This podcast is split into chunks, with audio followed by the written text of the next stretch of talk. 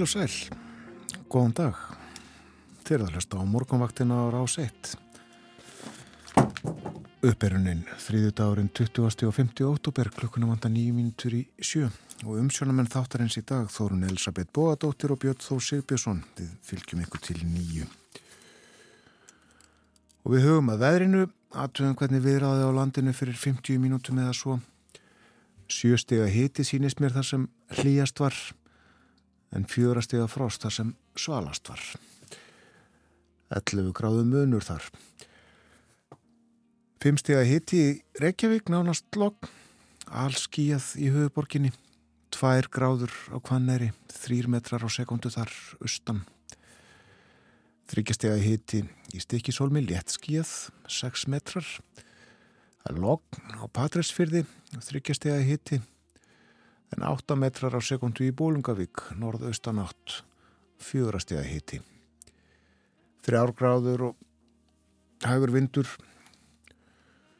í Hólmavík eða á Hólmavík held ég að maður reynu að segja fjórastega frost á Blönduósi þryggjastega hiti við Söðunisvita sjö metrar þar fjórastega frost á Akureyri nánastlokk tveggjastega frost á Húsavík fjórastega hiti á Rauvarhöfn hiti við frostmark á Skeltingstöðum en einstigs hiti á Grímstöðum tvær gráður á Eilstöðum skíjað 6 stíga hitti á höfni Hornafyrði, 5 stíg á Kvískerjum, 5 stíg líka á Kirkjubæðaklaustri, en 7 stíga hitti bæði á Stórhauða í Vestmanneum og í Árnesi. Það eru 18 metrar á sekundu á Stórhauða, fjórar í Árnesi.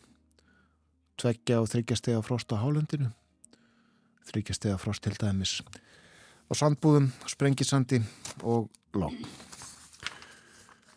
Og það voru spáinn. Það er talsvert lægðarsvæði söður á landinu en lægðirnar verðast ætla að halda sér fjarrri og því fremur tíðendalítið veður fram að helgi, segir í hugleðingum veðurfræðings. Í dag austlæg átt 3-10 metrar á sekundu en 10-15 siðst. Lítilsháttar væta sunnanlands en yfirleitt þurft fyrir norðan.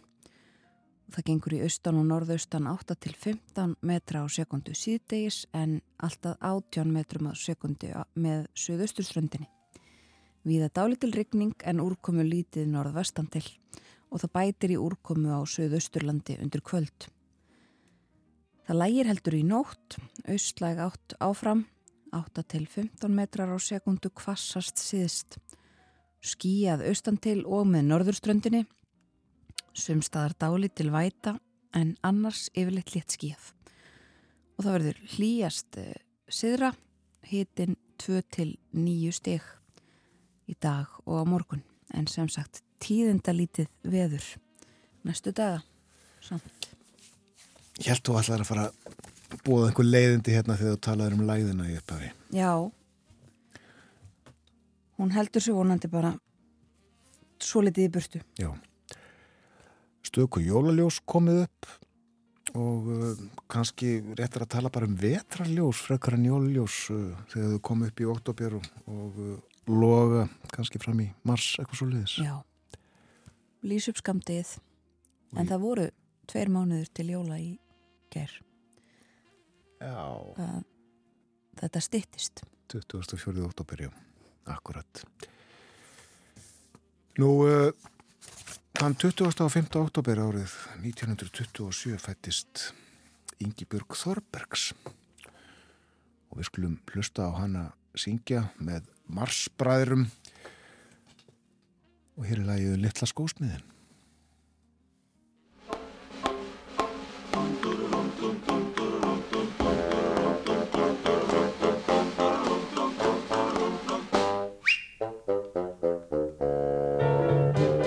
Svengi skó, söng og ló, sóla leður sneið og sló sífælt sama lag. Söng hann langan dag, enga kvíld nokkra stund, nema nauman nætur blund, vetur vor og höst. Vann hann eirðar laust, svo kom hún hýr og brá, er í hjartast kveikti þrá, sóla slitna skó, svenga rétt og hló. Svo kom hún hér á brá, er í hjartast veitti þrá, sóla slitna skó, svenga rétt og hló. Viltu sóla skóna svo ég geti dansa, dansa, dansa létt um sal og torg. Skóna svo ég geti dansa, dansa, dansa brott frá þraut og sorg. Svenki skó, söng og hló, er hann sóla leðri sló en í söng hans brá, hljóm af sári þrá. Þegar verkinu laug, létt og því hann skónast raug sem er dansað á, bæði dag og ná. Svenki skó, söng og hló, öðrum sólast neyð og sló en í söng hans brá, aftur sári þrá. Svenki skó, söng og öðrum sólast neyð og sló en í söng hans brá, aftur sári þrá. Er hún fór með skóna svo hún gæti dansa, dansa, dansa léttum sal og dorg. Skóna svo hún gæti dansa, dansa, dansa brott frá þraut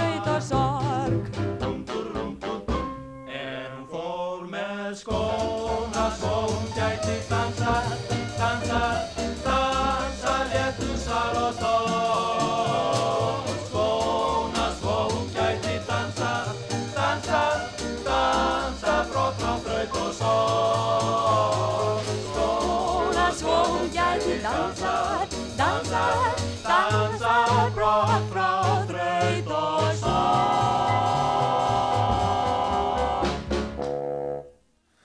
Þetta var litli skósmiðurinn, lægið Erlend en Loftur Guðmundsson gerði íslenskan texta. Ingi Björg Þorbergs söng.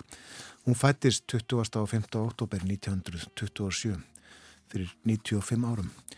Lést í mæ 2019. Og með Ingi Björgu Marsbræður þá söng sveit skipuðu Magnús Ingimarsson, Áskir Sigursson, Sigurður Sývertsen og Vilhjálmur B. Vilhjálmsson. Það er einmislegt að dagskrá morgunvaktarinnar í dag. Við ætlum að tala um íbúðalánasjóð, það er ekki kallaður IL-sjóður núna, ég held það, og er í stórkostlegu vandraðum meira en það á eftir. Ingi Björg H. Bjarnason verður líka á dagskrá. Já, uh, lítum 100 ára aftur í tíman með Kristínu Ástgersdóttur sakfræðingi. Hún segir okkur frá stjórnmálakonunni Ingi Björgu. Hún hefur skoðað, rannsakað hennar feril. Og svo er það Þískaland, Berlínarspjallið og sínum stað eftir morgunfréttinnar klukkan 8. Við lítum líka í blöðin á eftir og uh, heyrum einhverja tónlist en uh, fréttinnar koma eftir stuttastund og eftir það er ítaleg kynning á efni þáttarins.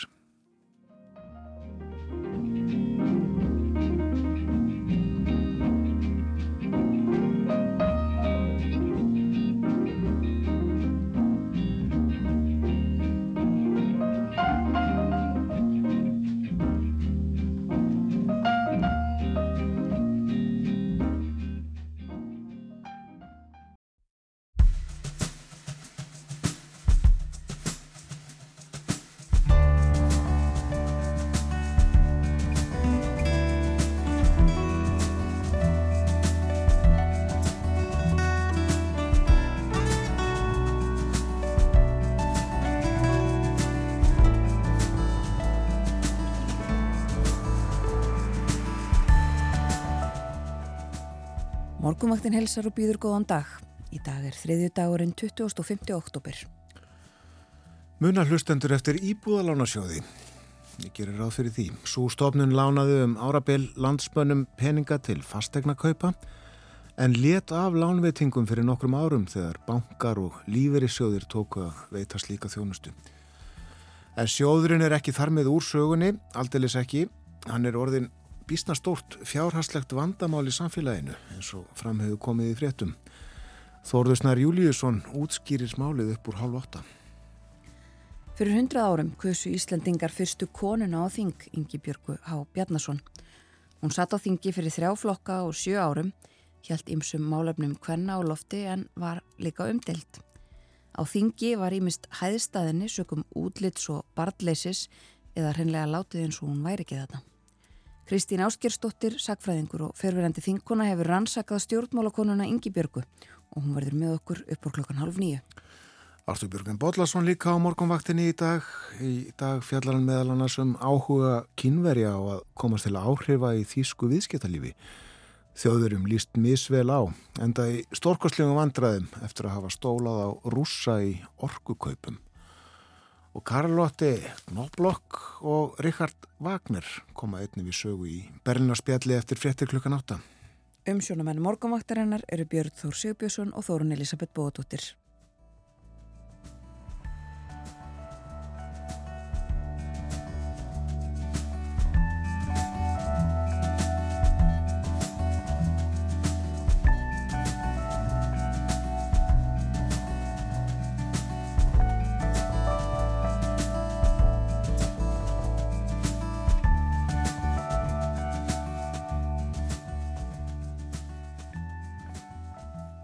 Já, 20. og 50. oktober í dag, vika eftir af oktober mánuði.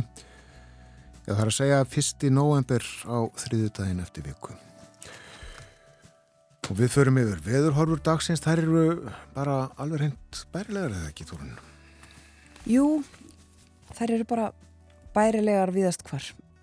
Austanátt 3-10 metrar á sekundu en þó 10-15 siðst, svo litið kvassara þar. Lítilsáttar væta líka sunnanlands en yfirleitt þurft fyrir norðan. Síðdegis í dag gengur í austan og norðaustan 8-15 metra á sekundu en alltaf 18 metrum á sekundu með suðaustur ströndinni. Og þá verður víða dálítil ryggning en úrkomu lítið norðvestan til. Það bætir svo í úrkomu á suðausturlandi undir kvöld. Það dregur úrvindi í nótt og á morgun austlæg átt áfram 8-15 metrar á sekundu kvassast siðst. Skíjað austan til og með norðurströndinni og sumstaðar dáli til væta en annars yfirleitt létt skíjað. Og hitatölunar 2-9 stig að deginum hlýjast siðra.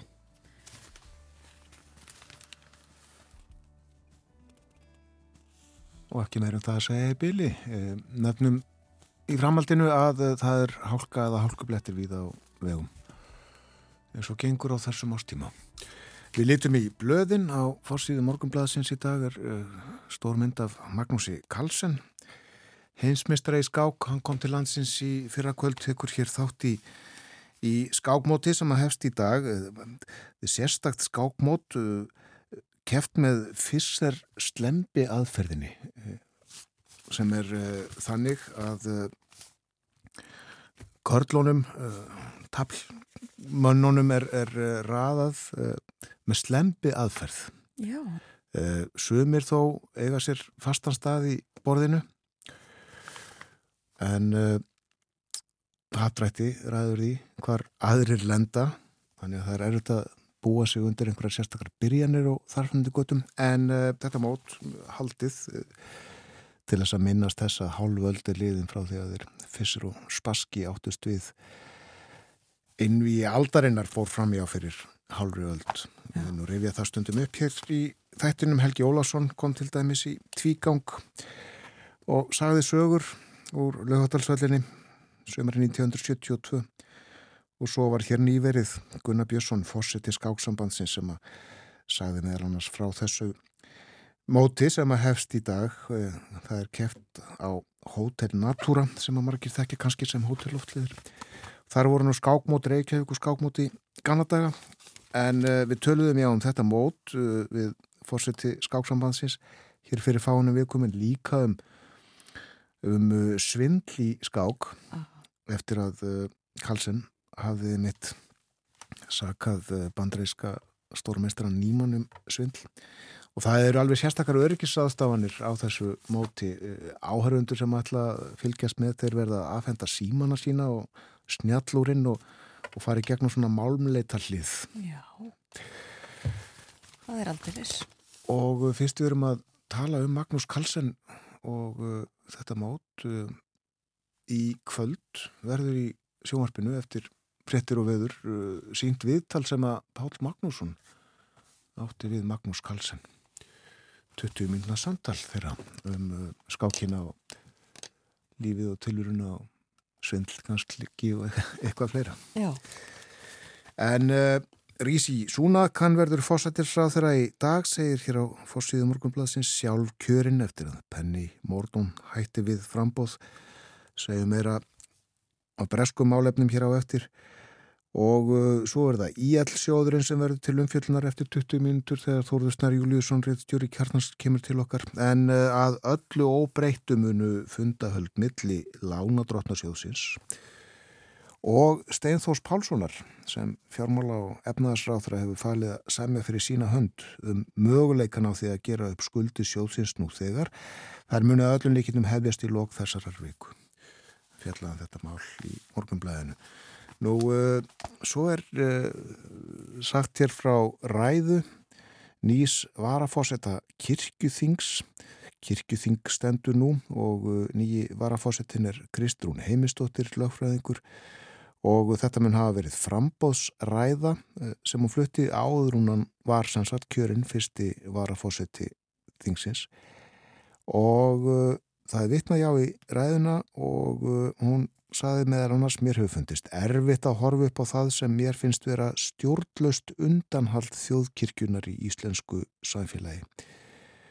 Og uh, hún hvaðst á kirkjuþingi hafa hlotið kristilegt uppeldi og hún bóðaði sókn þjóðkirkjunar á síðustu missurum og árum hefur það lagst sífelt meira á minn hug að þjóðkirkjun á Íslandi sé likil atriði í því samfélagi sem ég ólst upp í og sem ég vil að afkomendur mínir og Íslandingar framtíðarinnar geti notið og þess vegna vil Kristrún berjast gegn áður nefndu undanhaldi kirkjunar.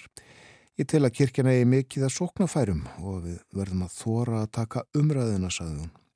Og ég er reyði búin að taka slægi fyrir kirkjuna og mér er alveg sama þótt mér verði útúðað á samfélagsmiðlum á meðan ég gerir það. Svo er það forsýðmyndin á fréttablaðinu. Uh, á henni er Rissi Sunak og 1, 2, 3, 4, 5, 6 aðrir kallar. Þeir eru allir í dökkum jakkafötum og ljósum skýrtum með bindi. Ég þekki þessa menn ekki. Átt að þú þau á hverju þetta eru sem eru með Rissi Sunak á þessari mynd á forsýðu fréttablaðsins? Ég sá uh, þessar myndir í bröskum fjölmjölum í gær Þetta eru uh, meðlimir þessar áhrifamiklu 1922 nefndar uh, innan íhaldsflokksins sem að uh, heldur utanum þetta leiðtúa kjör og, og, slík mál. Tekur við vantraust sprefum frá þingmönnum sem hefur verið töluvert af já, bara á þessu ári. Og já, þetta eru sérstaklega þeir sex kvítukallar sem að stjórna hversum málum í, í breska íhjálpsflóknum. Já. Og Rissi er á fórsíðum breskublaðana í dag, trú ég. Já, og uh, fórsíðum víða annar staðar og ég segi líka uh, sex kvítukarlar af því að Rissi Súna gerur þetta ekki kvítur karl. Hann er af indverskum uppruna og þess er getið víða í fjölmjölum að þetta séu tímamót í uh, breskri sögu. Fyrsta skipti sem að uh, nokkur af asískum uppruna sest í þetta ennbætti og uh, annað sem að líka er svona dreyið fram um, um hann og, og hans bakgrunn er það að hann er forríkur eins og uh, hlustundur morgunvaktarinnar uh, þekkja kannski. Við höfum fjallað um þau mál Sýrún Davistóttir hefur gert það hér hjá okkur ekki síst. Um, og það er dreyið fram á sömum fórsíðunum hann er ríkari en Karl Konungur segir einhver staðar. En misjamt svona hvað er lag, eh, af hverju er lagt út með það. Hann er ríkari en Karl Konungur og svo segja sömur hann veit ekkert um vennjulegt fólk og samt er það hann sem ætlar að fara skera niður og, og uh, hafa áhrif á það hvernig þið lifið ykkar lífi. En uh, líka mörg blöðin í Breitlandi með uh, setningu sem hann er sagður hafa haft uppi við íhaldsþingmenn í gær. Það er einfallega orðið þannig í íhaldsfloknum sagðan að uh, nú er að duga eða drepast. Saminast eða deyja var það sem hann sagði upp á ennsku. Unite or die. Uh, mætti kannski segja að hann hafi talaði um bara ögur stundu í breska íhaldsfloknum. Það vantar ekki dramatíkina. Það vantar ekki dramatíkina og uh, það er kannski ekkert skrítið þetta er þriðji fósættisráþrann á þremur mánuðum í Brellandi og uh, gríðarleg olga sem að verið hefur í breskum stjórnmálum uh, á sama tíma og ástandmála fyrir almenning er skelvilegt uh, að mörguleiti. Það hefur allt hækkað, uh, orkan uh, og maturinn ekki síst fjallaðan um það svona inn á milli í, í breskum fjölmjölum til dæmis núna bara í, í morgunsárið í breska ríkisútörpunu talaðum sko nöðsynja vörurnar í Breitlandi pasta, te matarólja þetta verður allt hækkað um, um 10% verðbólganu þetta ekki verið herri í 40 ár, komin yfir 10% og uh, orgu og samgöngukostnaður uh, rís líka gríðarlega. Þannig að það er uh, erfið staða sem býður Rissi Súnak rétt eins og forvera hans Liz Truss. Það var talað um það með hana að hennar byði allt nema heimsendir. Það var orðað þannig í einhverjum blöðunum þegar hún tók við. Og svo staða er bara líka uppi núna enda bara sjö vikur síðan að þetta var sagt um Liz Truss. En fjölmiðlar í Breitlandi líka svona með praktikina Rissi Súnak er ekki tekin formlega við en núna klukkan átta að íslenskum tíma þá mun Liz Truss stjórna sínum síðasta uh, síðasta ríkistjórnafundi á honum loknum þá fer hún uh, út úr dáningsstræti tíu og uh, ræðir við bladamenn, uh, segir heldur sína síðustu ræður sem fórsettisráð þeirra, fer svo til Hallar og hittir konung og segir formlega af sér sem fórsettisráð þeirra. Svo fer Súnak til Hallarinnar, Buckingham Hallar og ræðir við konung og fær formlegt bóðum að mynda nýja ríkistjórn. Svo ætlar hann að fara í dáningsstræti og halda sína fyrstu ræðu sem fórsetir svo þeirra. Áður en hann fer svo þar inn og hefst handavendala við það að mynda sína nýja ríkistjórn. Það getur hann farið að gera í dag og auðvitað ymsar uh, vangaveltur um það hverjir munu sitja í henni. Uh, það er ekki margt vitað um það talið þó að hann muni halda Jeremy Hunt áfram sem fjármálaráþara.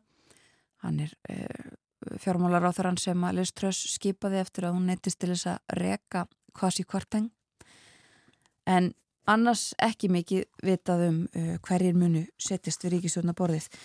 Annað en það að það er talið aðeins mitt í samræmi við þetta sem að, hann hefur sagt flokkurinn þurfi að koma saman saminast að þá muni hann ólíkt bæði Boris Jónsson og Liz Truss velja uh, fólk svona úr öllum örmum flokksins, ekki bara sína hörðustu stuðningsmenn eða aðstóðar fólk heldur uh, svona leita fanga víðar mm.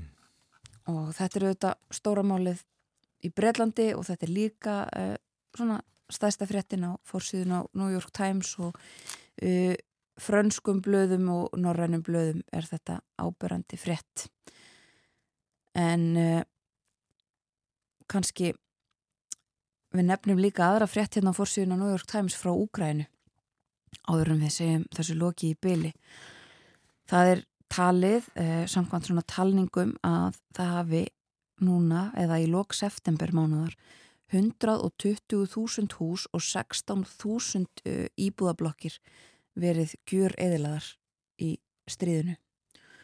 Og þessi bara beini beini kostnaður af því 127 miljardar bandaríkjatala og Alþjóðabankin, Evrópusambandið og stjórnvöld í Úkrænu hafa uh, svona metið kostnaðin við að koma Úkrænu aftur uh, já, svona, þessum innviðum og uh, byggingum í lag uh, á 350 miljardar bandaríkjatala. Ég ætla ekki að reyna að umrekna það svona í fljótu bræði. Nei. En fjallaðum þetta sér sett líka í uh, fjölmjölum í dag og við fylgjumstu þetta áfram með erlendum fréttum og segjum ykkur kannski frá frá ímsu svona eftir því sem að tíminn líður, morgunin líður. Við lítum í dagbók, sjáum að uh, þennan dag, árið 1947, er ekki 75 ár síðan 1947 var. Jú. 75 ár síðan að uh, Östubæjabíó var tekið í gagni með formlegum hætti. Kvikmynda, tónleika og leikús, reista nokkrum aðtapnamönnum og uh, þeir uh, tóku þátt í starfi tónlistafélagsins í Reykjavík og uh, það var þetta svona með í þessu öllu saman. En það félag svo uh, stóð að, að byggingu tónabíós setna. En uh, um Östubæjabíó saði í morgunblæðinu fyrir 75 árum Östubæjabíó stærsta samkomuhús landsins tekur til starfa í kvöld. Hið nýja stórglæsilega kvikmyndahús Östubæjabíó tekur til starfa í kvöld. Bygging húsins hófst uh, 1945, hefur staðið í tæp 2 ár og uh, eigendur hlutafélagið Östubæjabíó HF að því standa Ólafur og Kristján Þorgrímsinir frá Lauganesi og uh, einnig Ragnar Jónsson, Bjarni Jónsson Galtafelli og Guðmundur Jensson Forstjóri. Kveimdahúsið er eitt glæsilegasta hús þessa lands. Hörðu Bjarnason og Gunnlaugur Pálsson gerðu tekningar að því og við tekningarnar var sérstaklega tekið tillit til þess að hægt sé að flytja þar hljómleika og er all lögun salarins miðu við það sömulegis málningin sem er hljóðdeifandi og hrjúf í áferð. Salurinn er allur klættur með timbri og það síðan húðað en í rúmlega metishæð frá gólfi er salurinn klættur mahóni þinnum. Sætin eru sérlega þægilegu rúmgótt milli sætaraða. Ráðgert var að í sambandi við senuna er þið mikill ljósabúnaður og átti Hallgrimur Bachmann að sjá um uppsetningu ljósana en vegna ríkjandi gjaldri skorts hefur ekki orðið úr þeim framkvæmdum. Og andri húsins er að samaskapi smekklegt. Þetta bæði rúmgott og bjart þegar inn er komið blasir við til vinstri handar stort málverk eftir Gunnlaug Skeving listmálara.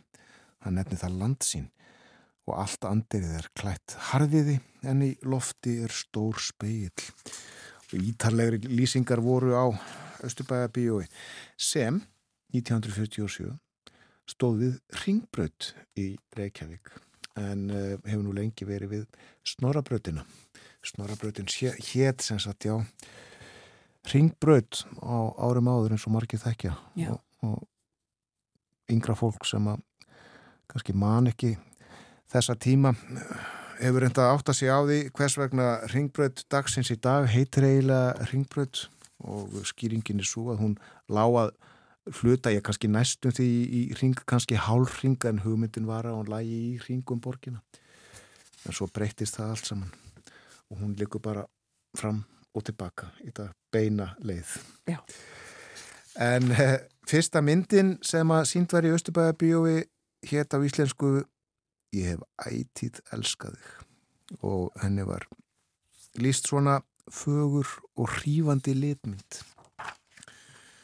En Östubæða bíó var ekki bara bíó heldur líka tónleikasalur. Og uh, eina fyrstu tónleikana sem að uh, þar voru haldnir, já á þeim leik Jórun Viðar. Og sagt var frá þeim fyrirhuguðu hljómleikum í byrjun november 1947 Frú Jórun Viðar heldur fyrsta hljómleik sinn hér heima næstkomandi miðugdarskvöld og það eru fyrstu tónleikarnir sem að framfæra í Östubæði bíó, ég saði í frétt þjóðvílans. Frú Jórun Viðar lög prófi við tónlistaskólinn í Reykjavík sama vorið og hún tók stúdenspróf. Hún byrjaði þryggja ára barnaleika á píano, hóf nám hjá móður sinni sjö ára. Að loknu námi hér við tónlistaskólan fór hún til Berlínar, stundaði í tvö orð tónlistanám við viðkunnasta músikskóla borgarinnar og Þar spilaði ungfrúin ofinberlega innleik með eh, hljómsveitar undirleik og hlaut hinnar lofsamlegustu dóma. Og svo fór hún til New York og var þar í námi við eh, Juilliard skólan. En er núna komin og eh, heldur hljómleika í einu glænýja og glæsilega Östubæða bíói. Ég var hlusta á mjörni við að spila á piano og ég fann þetta nú bara í fljótheitum í morgun. Hún, já, leikur á píanóið. En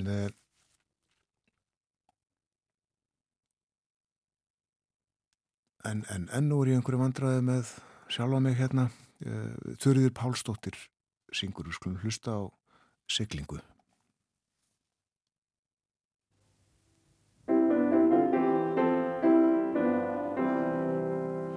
Hafið bláa hafið, hugan drefur, hvað er bak við ístu sjónarönd. Tanga leikur beitn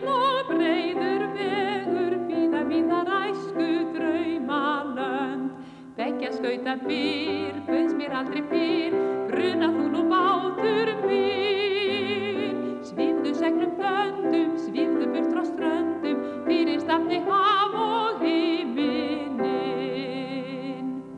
Hafið bláa hafið, hugan dregur, hvað er bak við istu sjónarönd. Tanga liggur beinn og breyður vegur, víða mína ræsku draumalönd.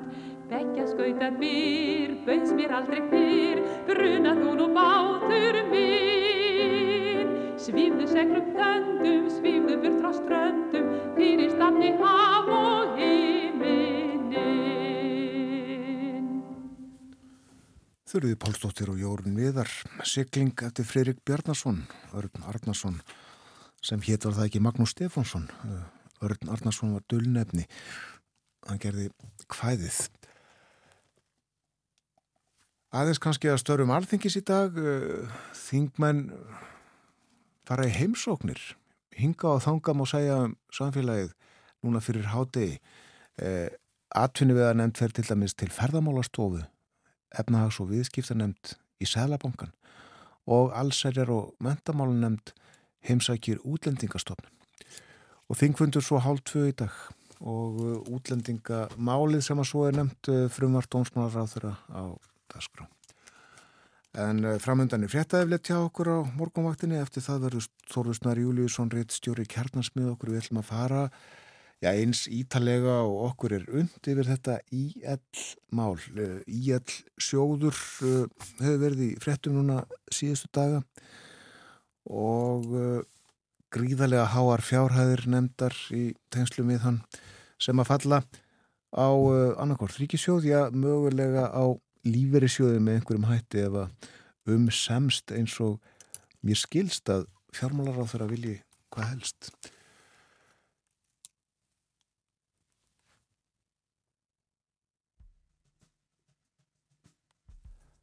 Svo minn ég á að Artur Björgun verður með okkur. Berlínar spjall eftir morgunfréttinnar eins og yðurlega á þriðudögum og svo fjöllum við um Ingi Björgu Há Bjarnason, alþengismann, meðli hálf nýju og nýju.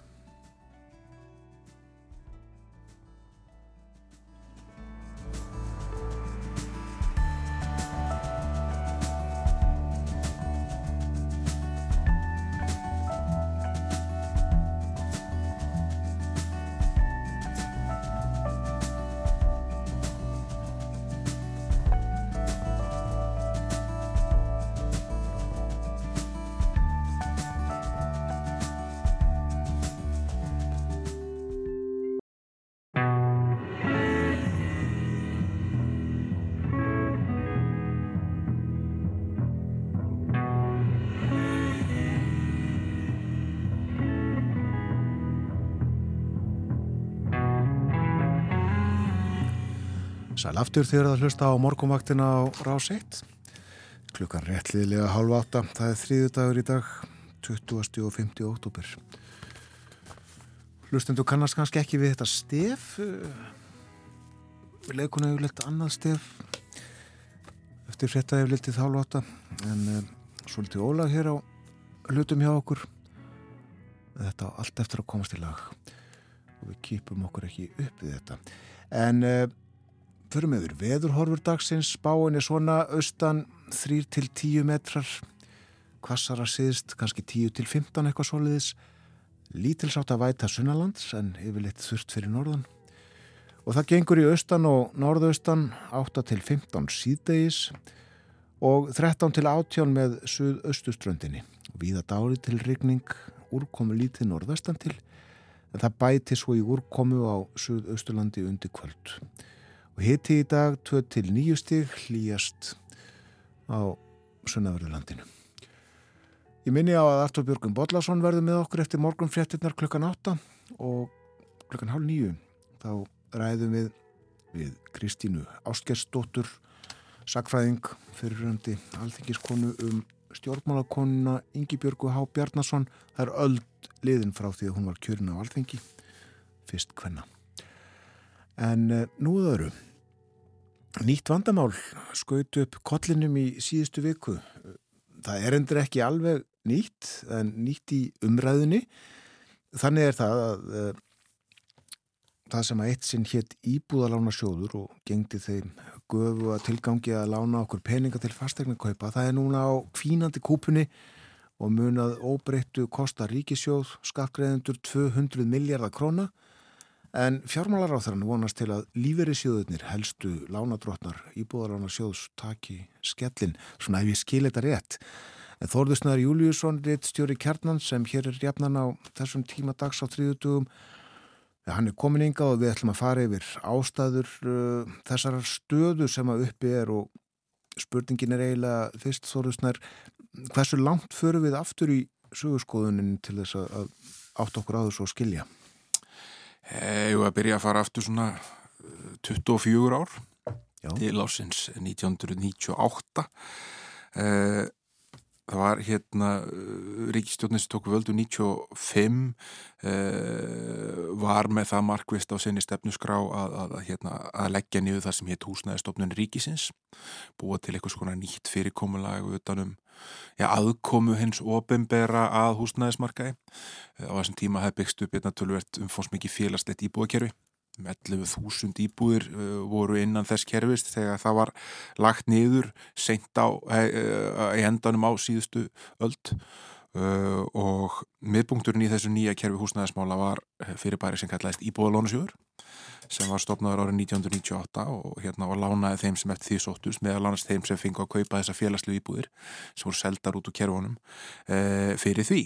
Uh, hann tók við því sem var kallað húsbrefakerfið sem uh, ykkur er svona allavega eldri hlustutur muna eftir en, en kannski er, er, er, er ekki jafn kunnulegt fyrir þá sem yngri eru.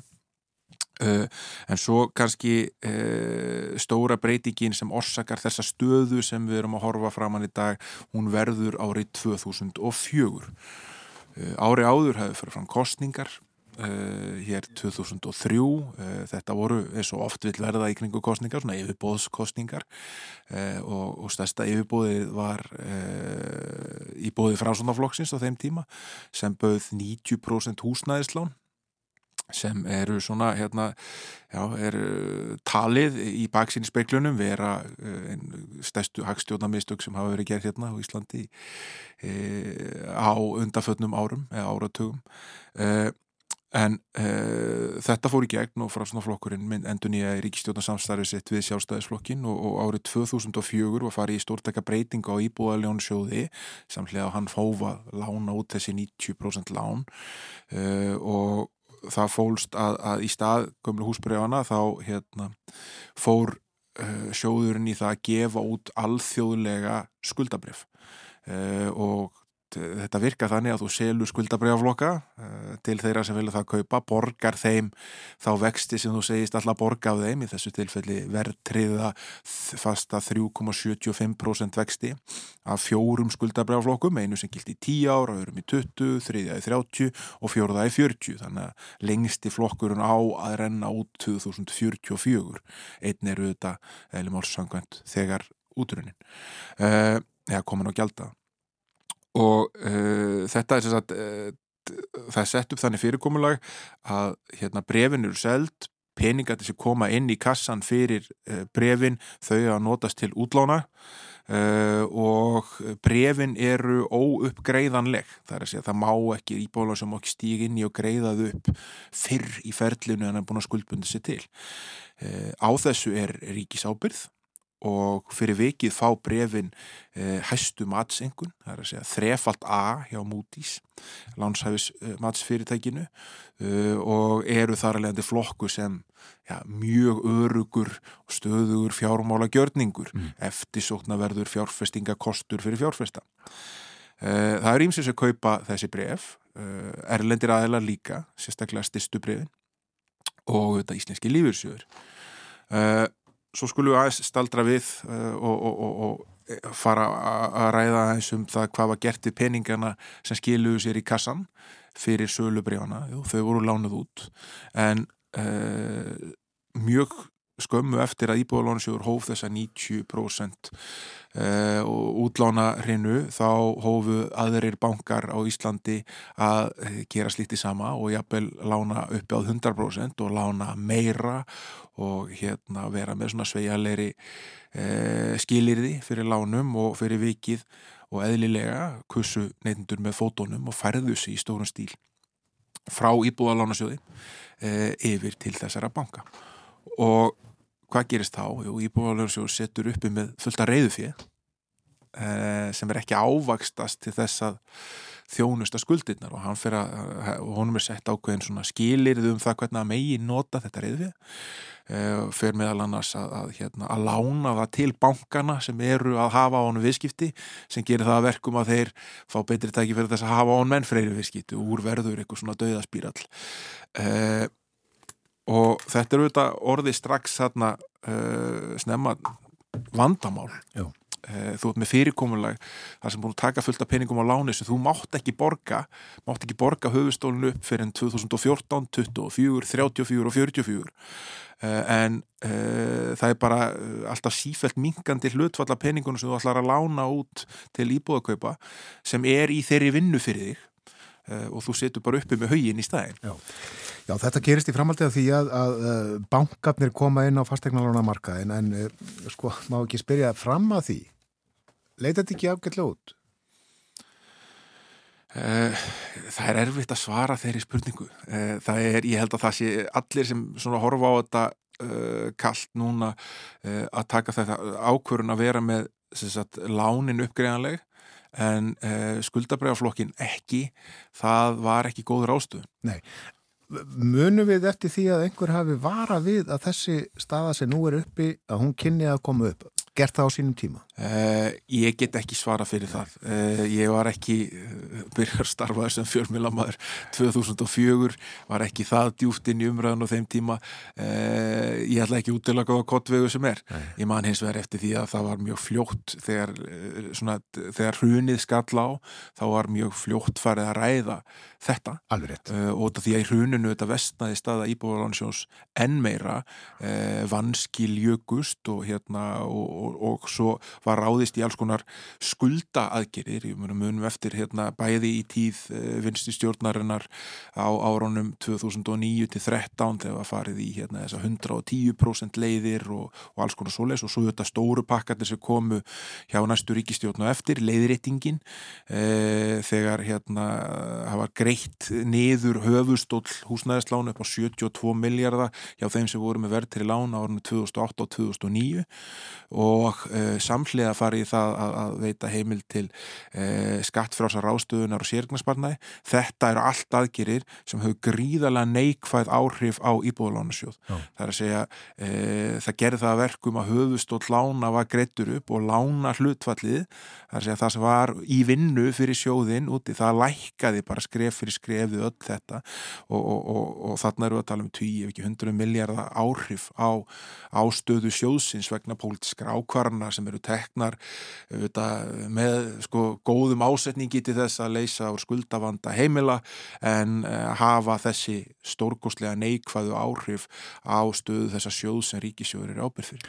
Það hefur eiginlega all lagst á eitt í þessu en uh, já þegar það er verið að uh, ráðast í, í þetta hjá íbúðalunarsjóði þá kannski sáum hann ekki fyrir að bankarnir færi að lána til fastegna og tala nú ekki um ekki ekki allt, ekki 100% lán þeir höfðu nú ekki verið neitt sérstaklega eh, viljur eða áhuga samur um að veita fólki lána á góðum kjörum. Nei, en uh, bankarnir höfðu hins vegar alveg ótrúlega gott aðgengi að uh, lánsfíð uh, og á grundvelli sterkrar stöðu ríkisjóðs þá voru þeir með há lánsæðismat við skulum muna það að hérna, á þessum árum eða bara rétt á undan eru tveir ríkisbankar engavettir, þetta er bara 2002-2003 sem engavæðing bankana er eigast í stað.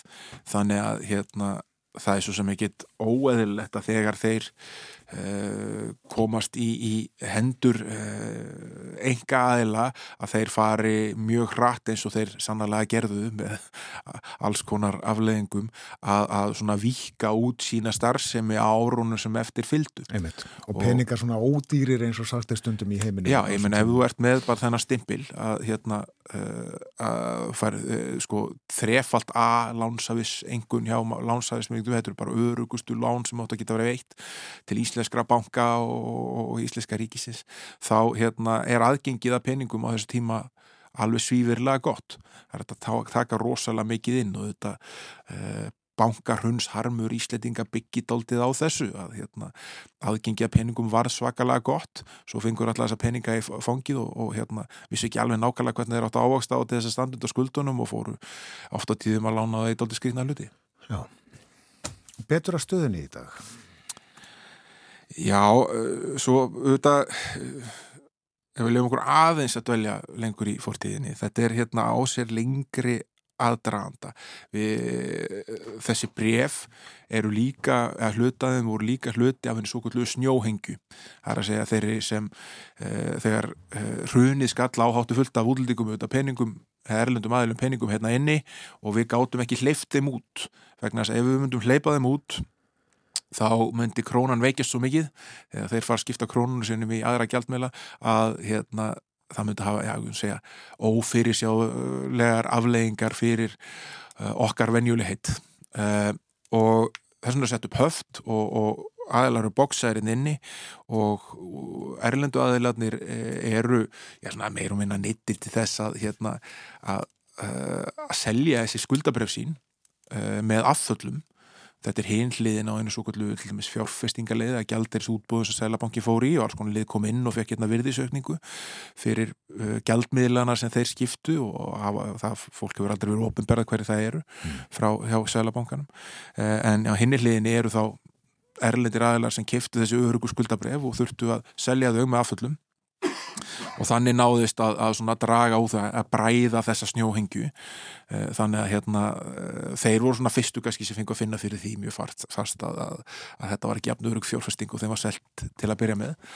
Uh, og svo er auðvitað þessi vandi að vaksa og núna á uh, sko þegar fyrir að ganga vel hérna efnarslífinu og lífyrísjóður koma með krafti aftur inn á húsnæðismar á lánamarkaðin og bankarnir fara að finna fætna sinnar vel þar líka þá lækkar og lækkar og lækkar uh, staða íbúðalánasjós á þessu markaði. Hún er alltaf að verða minnar, fleiri sem er að greiða upp lánu sín og, og færa sig annað. Og vandin eikst og eikst og eikst og þegar, það þarf að fara það er alveg búið að vera fyrirlíkjandi að er frá 2013 þá þurfti með ykkurum hætti að taka á þessu. Og það er ákveðið að taka svona uh, uh, grípa inn í hérna 2019 þá er íbúðalónisjóð með þessar hárusett lög sem skipta íbúðalónisjóði eiginlega upp í tvent annars vegar það sem heitir núna húsnæðis og mannverkjastofnun sem sér um svona félagslega, útlandi félagsleira verkefna og alls konar umsýslu og er núna búin að taka sér alls konar önnu verkefni tengt húsnæðismarkaði. Uh, og svo hins vegar það sem heitir IL-sjóður sem er í raunulega bara þessar gömlu skuldir að uppistuðu þessi skuldabrjáflokkar sem hún gefnir úr 2004 og það er eignir sem eru þar á móti sem eru þá þarna 2019 og upp á 2020 rosalega mikið reyðu fyrir og uh, þetta er svona, svo sagt, nú ætlum við að fara í þetta og að fara hérna, að, að mæta þessu vanda. Svo kemur koronaviru faraldun, skellur á hérna með fullum þunga snemma ást 2020 og allt breytist uh, þörf, minna, ríki fyrir massívan hall, hallaregstur ár eftir ár, vandar pening til þess að standa undir uh, svona þeirri þeirri innspýtingu og þeim tekjufalli sem ríkið er að verða fyrir og var ná geta eiga eitthvað sjóð til þess eh, sem þú stýrir til þess að fá lánað hjá. Og ríki tók 190 miljardar krónar lán hjá IL sjóði uh, á meðan að koronaviru faraldunum stóð. Uh, og hérna þannig að það nýtti sér þetta reyðu fyrir sem var þarna inni seldi sjóðunum ríki skuldabref á móti. Uh, þannig að þá á meðan á þessu stóð og fjárþörf ríkisins var svona mikil þá kannski dróur kvatanum til þess að taka á þetta vandamálunu sem var ekkert að hverfa og það er það að hérna á einhvern tímapunkti verður sjóðurinn uppskrupa með fétt til þess að þjónusta skuldina sér. Já, sko, manni finnst það ekki alveg ganga upp að einhver sem getur lánað 190 miljardar uh, sé sáður í, í standandi vandraðum. Aftur, uh, eins og staðan er í dag, þá eru hérna já, af þeim peningum sem uh, skuldabrið voru selt fyrir þá er kannski 20% í vinnu vegna þess að þau eru í formi útlána, skilur, íbúðalána til ykkur uh, þannig að það er 80% sem eru það ekki. Þrátt verið að það séu peningar í sjónum núna þá er uh, líftími skuldabrefana lengsta flokksins til 2044 þá áttur að borga af þessu í mjög langan tíma. Og þessi peningur þrátt verið að hann sé til staðar ykkur núna með að landsvegna uppgreisla á lánum, skilur, það er búið að borga þau inn langt fyrir tíman sem þau ótt að líða þá uh, dugaðu ekki nema eitthvað fram á næsta áratug uh, að óbreytt uh, og þá verður sjóður einfallega tómur og eftirstanda bara skuldbendingar eða uppistuðu. Þannig að þetta er staðan sem blasir við og nú er búið að reikna sér niður og það að, að, að tapið sem af þessu æfintýri hlýst sé á núverði um 200 miljardar króna. Og núna er verið að taka í uh, gikinn og segja bara ok, nú þurfa uh, kröfuhafar að setjast niður með, með ábyrðar aðeila sjóðsins sem er ríkisjóður og semja um hvernig eigi að lámarka tjónið og við skulum hafa það alveg hreinu, það er engin góð leið sem er í bóði hér það er engin góð leið, það er alltaf almenningur er alltaf að fara að tapa með einhverjum hætti sama hvernig verður list úr þessari stöðu mm. uh, og það sem fjármálara og efnaðsráðar hefur sagt að hann hefur ráðið núna einstakling til þess að, hérna, að leiða viðræður við kröfuhafana sem eru 75-80% bara ísliki lífyrísjóður þannig að almenningur er begja með einna borðsins annarkorti gegnum ríkisjóðu eða lífyrísjóði og það eru að fara karpum það hvori að tapa meira á þessu. Já, og það er Steinþó Pálsson fyrir röndi bankastjóri landsbankans. Rétt sem stýrir þessum viðræðum og uh, ráðherra hefur bóðað að ef það takist ekki að semja þá muni hann uh, leggja lagafruma fram í lokás sem muni Eh, setja sjóðin í þrótt og þar sem einföld ríkisábyrð sé á sjónum og þá verður hann bara einfallega uh, gerður upp uh, og, hérna, og höfustóll lánana greitur en ekki framtíðar greiðsluflæði sem var búin að reikna með þegar hérna, sjóðinir keiftu þessi skuldabref og þeir reikna sér niður og það að, að, að tap þeirra verði norðamegin við 100 miljardar króna eh, með við þetta. En þannig að gæti borga sér fyrir lífriðsjóðuna að eh, semja frekar en að láta sjóðum farið þrótt? Já, það. það sem er líka auðvitað þriði valgósturinn þarna er það að þeir fara einfallega í mál sem mér finnst ekkit ósennileg niðurstaða heldur að láta reyna á það hvort að ríki geti gengið þannig á bak orða sinna þeir telja að, að það sé ríkis ábyrð á, á sjóðunum eh, kaupa öruga fjármála afurð eh, og láta reyna á það hvort að þessi leið sem er verið að fara núna á grundvöldi lögfræði álit sannlega sem ríkið er búið að afla sér að það sé tækt að setja sjóðun í, mm. í, í þrótt, þetta sé færleið eh, en, en lögfræði álit er lögfræði álit, það er ekki nýðust að dónstóla þannig að það er ekki útiloka að lífið í sjóðunni láti reyna á þetta. Þá eru við þetta komin með mjög sérstakka stöðu uppi. Að, að almenningur er í málaferðlum við almenning eh, um það hversu mikið uh, vinstri vasin og almenningi á að tapa á kostnað hægri vasans. Og uh, það annað atriðis er það sem uh, Mál, Már Wolfgang Miksa meðal hans myndist á í Kastljósi í gæri sem var aðeinsveru punktur að þetta getur haft veruleg áhrif á fjármögnun ríkisins.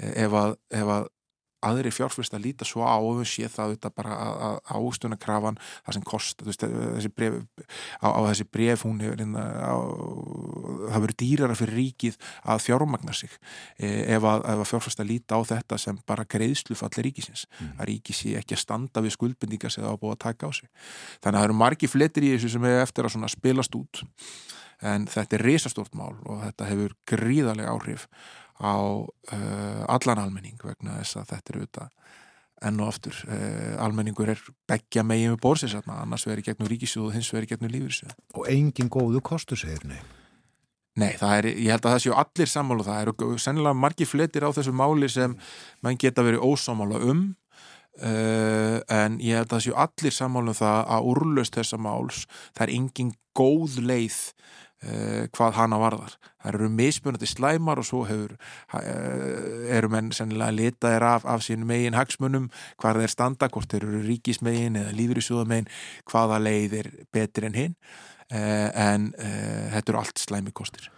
Þú heldur okkur upplýstum hér á morgunvaktinni um framgangin. Ég skal reyna mitt besta. Þakka þið fyrir komuna í dag Þórðusnar Júliusson, breyttstjóri Kjartans Þórðusnar hér á þriðutarsmórnum með spjöllum um efnahag og samfélag og uh, þetta mál, uh, máldagsins í ell sjóður, uh, við segjum svo hugur að við um eftir að heyra, heyra fjallað um hann er næstu mánu og misseri kannski ár stort mál, risastórt mál sem að varður okkur öll greinlega. En uh, framöndan eru fréttir hjá okkur, koma á slæginu átta frá fréttastofinni eftir 6 uh, mínútur eitthvað svo leiðis, fáum fyrst auglýsingar, allt með hefðbundum hætti og uh, eftir fréttir Berlínar spjall, Artur Björgvin Bodlason og uh, hann alltaf með okkur, meðal annars að segja okkur frá því að kínverjar hafa lístið miklum áhuga á að já, fá einhverja svona aðkomu fótfestu í þýsku viðskiptalífi og uh, ekki líst nú öllum í Þýskalandi vel á það eins og Artur fer yfir á eftir. Hann fjartar um fleira uh, pildæmis kemur Vagner við sögu. Og uh, svo er það milli hálf nýju og nýju Ingi Björg H. Bjarnason.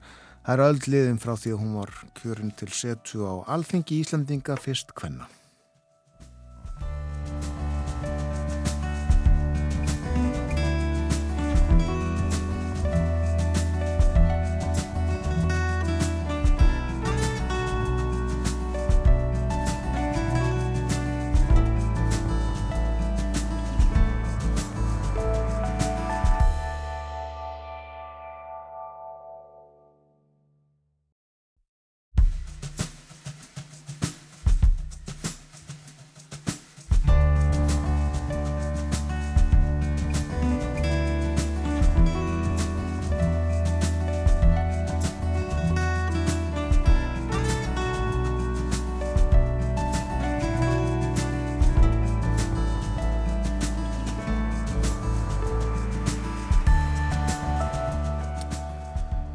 aftur þér að hlusta á morgunvaktina á rás 1 klukkan farin að ganga nýju það er þriðu dagur í dag 20. og 50. oktober Þóruðsnar Júliusson rittstjóri Kjarnans var hjá okkur áðan að reyna að útskýra eh, þennan IL sjóð sögu hans og stöðu staðan í slæm en uh, hversu slæm og uh, hversu slæm verður hún, það er ekki gott að segja en uh, ef ég skildar rétt þá eh, eru kostinir kannski fyrst og fremst tveir annars vegar að ríkisjóður tapi 200 miljardum eða lífyrirsjóðunni 50 Þórun, hefur þú skiljið þetta um það byrjum svona? Já uh, og að minnstakosti sagði Þóruð Snær það að það er alveg sama uh, hvaða leið verður farin eða hvernig þetta verður gert uh, það er engin góð leið. Nei. En á eftir hálf nýju þá ætlum við að fjalla um Ingi Björg og Há Bjarnason. Já, Það er öldliðin frá því að Íslendingar kusu Ingi Björgu Há Bjarnason á þingfyrsta kvenna og uh, þess var minnst eða um það var rætt á málþingi í gerðkvöldi fjallað um Ingi Björgu uh, út frá ymsum hliðum og Kristín Ástgerstóttir sakfræðingur og fyrirverandi alþengiskona sjálf, hún hefur kynnt sér stjórnmálakonuna Ingi Björgu og segir okkur frá á eftir. En nú bjóðu við Artúri Björgunni Bóllasinni, góðan dag. Góðan daginn. Við ætlum að spjalla um ímislegt í dag, uh, merkilega konu, uh, tala eins um menningu, en uh, byrjum á viðskiptum. Kynverjar vilja koma til Þýskalands og, og hérna, já, já, ég segi nú ekki leggja það undir sig, en, en hérna gera sér breyða í Þýskalandi. Ja, það er rétt, eh, þeir eru þekkti fyrir sína útþenslu stefnu og, og það fór törluverður pólitísku fyrringur um marga hér í Þískaland á dögunum þegar að það spurðist að eh, kynverska skipafélagi Korsko sem að Íslandinga kannast og reyndar við sæktist eftir að kaupa hlut í hafnarmannviskum í Hamburg og uh, þessi kemst að minnast að þjóðverðir hafa nú liðið fyrir það að vera háðir gasi frá rúsum og Og menn muna líka eftir því hvernig rússar hafa notað gasið sem kúanatæki til þess að refsa þjóðverðin fyrir að andæfa eh, dæmalösum yfirgangi Pútins og framferði í Úkrænu. Mm. Og þess vegna töldu margir málsmetandi fréttaskýrindi hér að það kynni nú ekki góðru lukka stýra þjóðverðar myndu hleypa kynverskari sannum en í viðkvæma lífæð og höfnin í Hamburg er. Því að þessi höfn er ekki bara langstasta höfnin og mikilvægsta höfnin í Hískalandi heldur munum vera í hópi 20 stærstu hafna í heiminum öllum og, og þegar að tekið mið af þeim gríðarlega gámafjölda sem þar rúmast uh, og á þess að fara kannski út í allt á mikla tölfræði svona meðan ennblæður og morgunsarunni, það má nú nefna að uh, sko um þessa risavöxnu höfn þar á ári um 130 miljónir lesta af varningi. Já. Þetta er tölvöverst uh, mikið því að ég var eitthvað sem er að kanna það, fór að kanna það, þetta er samanburð og þá skilst mér að um Reykjavíkur það er svona 34 miljónir lesta á ári, en það er svolítið bunið þar á. En hvaðan um það? Þá uh, vöruðu þingmenn græninga og frálsvært demokrata strax við því að kynverðar færið að seglast til áhrifa í þessari miklu samgöngu uh, miðstöð Þískarland sem höfnin er og það geti haft háskaðar afleggingar uh, en þegar svona tímar liður fram en uh, Sjóls kanslari hann andmælti þessari gaggrínu og það er ekkert að óttast. Fyrirtækið ætlaði bara að kaupa lítinn hlut í einn eða fjórum gámageimslum hafnarinnar sagðan. og þess vegna varu áhyggjur þessari þingmanna og ráð þeirra alveg óþarfar. Og Sjóls bætti því við að, að landið undir þessum risavaksnu gámageimslum er þið eftir sem áður í eigu Hamburger það með vildan hugreista menn. En, en e, sko í tengslu við þetta mál þá hefur Sjóls líka verið gaggrindur fyrir að ætla að heimsækja nýkjörin leðtóa Kína, Xi Jinping, í næsta mánuði fyrstur allra evróska þjóðarleðtóa. Það hefur sjálfsagt farið, verið á Íslandi í fréttum eins og víðar að, að hann við krýna sem nána sem keisara fyrir skömmu þegar hann var sem aftur til næstu ára.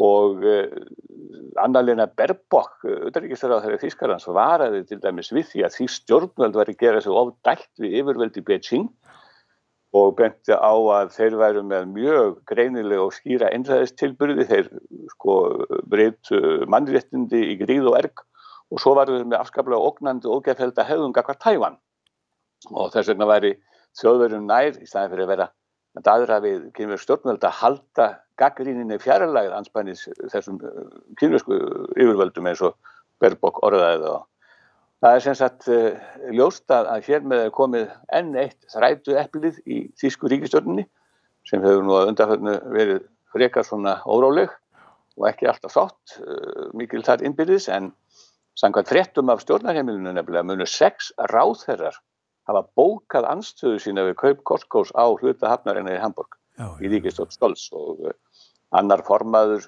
annar tvekja formanna jafnaðamannarflokksins Lars Klingberg, hann kom nú eins og við erum búið svolítið til hjálpar og taldi þessar áhyggjur ástöðulegs. Menn eru sem sagt á Varbergi eftir þá hörmölugu reynslu sem hann hafa haft að því að verða háðir rúsum. Já. Kona er nefnd Karlotte Knoblokk. Já, og við höfum stundu verið að tala um ammæli í þessum þáttum þegar merkis fólk á ammæli hér úti og Charlotte Knoblauch hún eh, fagnar nýraðis ammali sínu á lögðardaginn kemur og, og hún hefur, þessi ágæta kona hefur verið mjög mikið í sviðsljósi fjölmiðlani hér í Þískalandi ekki bara að undarfættu heldur undarfærin ár og áratögi því hún er um langt skeið verið einn helsti talsmaður geðinga í Þískalandi já, já, já. og uh, það er óætt að segja að, og samtaka geðinga og það er óætt að segja svona í ljósi sögunar að, að það er ekki vandalust hlutverk að vera í forsvæði fyrir geðinga í, hér í Þískalandi því að uh, Knóblokk vakti til dæmis sérstaklega mikla aðvikli í fyrra mun hafa verið þegar hún ávarpaði Þíska þingi við minningaraftöfnum fornalum nazista uh, og sagði þá uh, setningur sem er í manna margir munna eftir það er ég stend hér frammi fyrir ykkur sem stoltur þjóðveri. Þetta var óvenjuleg yfirlýsing að geðingja vera. Og þegar hún spurði það því setna hvernig henni hefði komið til hugar að taka svona til orða eftir allt sem á undan væri gengið. Þá sagðist hún að þurfti að fara í gegnum mjög mikla sjálfskoðun á hún afrið að láta þessi orð falla og, og e, í stuttum máli þá er saga hennar svo að í stríðinu var hún ung stúlka og bjargaðist um, það er náttúrulega sorga saga því að móðurinnar snýrist í gýðingatrú, hún sagt, gift í skýðing, pappin var gýðingur en, svo bjargaðist stúlkan, hún lifði af í félum á bondabæ í Franken, sem er þarna í Bæralandi, undir því yfirskinni að hún var í dóttir bondakonunar á bænum sem hún hefði allt utan hjónabands. Mm. Þetta var sagt, góðvílega katólsk fólk sem að held henni á lífi þarna og lög þessu upp til þess að hún held í líf og kemist ekki upp og hún var í gýðingur og og uh, svo eftir stíði þá ætlaði, var hún staðræðan í yfirgefa Þískaland en uh, og gekk hún í hjónaband 1951 og, og, eignaði börn og svo bara var það ekki úr því hún færi. Þannig að hún ákvaði að búi hér áfram. Það var og hluti sem komið upp þrátt fyrir, fyrir fortíðina. Og uh, það hefur hins vegar komið fram í mörgum viðtölum að, að hún hefur orðið að þóla allskyns hóttanir vegna starfað sinna í þá þýsku geðingarsamtakarna en hún hefur verið mjög ábyrjandi talsmaður þeirra í áratugji meðal annars var hún í nokkur ár formaður uh, þessara stærstu yðingarsamtaka hér og, og hún er, og það er það merkilega, hún er nefnilega eitt af síðustu vittnónum um helfurina sem eru enn á lífi hér í Þískalandi. Þetta fólk er óðum að hverfa og uh, hún er í hópi þeirra síðustu sem enn getast, hún hefur farið í skóla og hún hefur ferðast um og verið óþreytandi við að, að koma því á framfæri því þetta gerðist. En hún er ekkit eh, ásakandi þannig, hún segir auðvitað byrja þið, ungu kynsluður enga ábyrju því sem þetta gerðist, það er að segja þið ekki sekund það sem þetta gerðist en ykkar, en þið þurfum að axla það ábyrja að vera á verði. Og, og það má segja sem svo að, að hún hafi í rauninu bara uh, hennar æfi starf sér afskaplega merkilegt og er alltaf staðið úr segist að það glæðst við því fyrsta sinn og skjóta svona inn í lokina en hana að vera þjóðveri þegar að Hortstedt var laður að nýri sínagóku í heimaborgarna München í november 2003 þá svo það breytti lífið mínu því það áttaði mig á því og það, það sem hefur alltaf sagt að þjóðverir hafa tekið á þessum Hortstedlandar sínum að mikilvægt festu og mjög miklum glæsi bragi þetta er að nota það orða. Já og þá ætlum við í lokinni svolítið ferðalag við ætlum að uh, fara í Kastala, Þyrnir Ósa Kastala, segð okkur frá húnum. Já, það er Kastalin og Svanstein í eh, Bæralandi, í Algói, sem að er nú einn merkasta bygging í Þískalandi uh, og uh, ástæðan fyrir því að ég, nú, á, kannski gaman að minnast á núna, það verður að endurgera Kastalin, heila 20 miljónir evra og, og þessi Kastali, hann dregur til sín 1,5 miljón gesta á hverju ári, hann er sem sagt rúmlega 100 ára gammal og var reistur af Lúðvík öðrum bæjarakongi, sem að kallaði hefur verið ævintýrakongurinn, mm og þótti á sínum tíma gríðaleg óráð síja þetta allt saman og, en, og með þess að fjölskylda konungsins þegar hann var allur, hann var nú mjög skröllegu karakter og uh, er, uh, hann var sennilega, já, hann var nefðari svona til kallmanna heldur en hvenna talið er eh, og svo var hann svona átti mjög sérstatt engalífin og, og dó með sviplugum hætti í, vatni í Bægarland, hann druknaði þar í freka grunnu vatni, þetta er allt mjög dölufullt en allt og lungsaði að segja hann hér En ég hef komið inn að Kastala nokkur sinnum og haft gaman af og uh, þetta er stórkostlega flott bygging og stendur upp á hæð og hefur notuð svona sem þyrtinrósa Kastali. Fyrir langa lungu þá voru manni fluglega, sko þá voru auglýsingar frá, frá Æslandir, mjög ábyrjandi á Íslandi þar sem að, á plakköttum þar sem að þessi Kastali var síndur, það kannast margir íslendinga við hann sjón, svo er þetta komið ánga af þeim.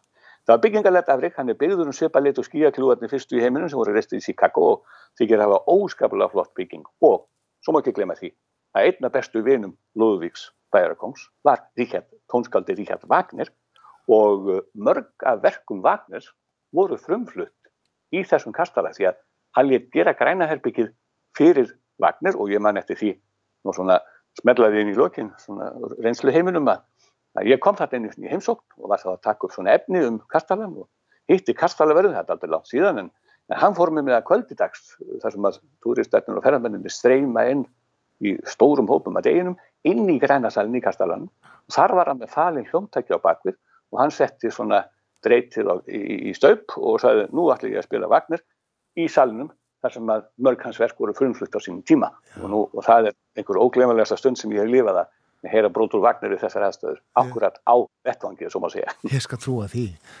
En þú segir já, einu og hálf miljón sem að uh, kemur þarna á hverju ári, það er held ég að sé um það byrjum svona fjöldi ferðamanna sem að heimsækir Ísland árlega. Já, í þessu einu byggingu. Og það er enda sko, þannig að það má ekki mynda, en það er aldrei sérst, ég man eftir því að það mátt ekki mynda þarna inni. Uh, og það er til dæmis má mynda í mörgum söfnum í Evrópu svona út um allt og í byggingum af þessu tægi og ástæðan er ekki svo að það sé eitthvað hætturlegt fyrir innviðin að verðið að mynda þar. Heldur, uh, hóparnir þurfa að fara svo hratt í gegn til að koma öllum í gegn að það myndi tefja um of ef menn fara að taka myndir, það er ástæðan.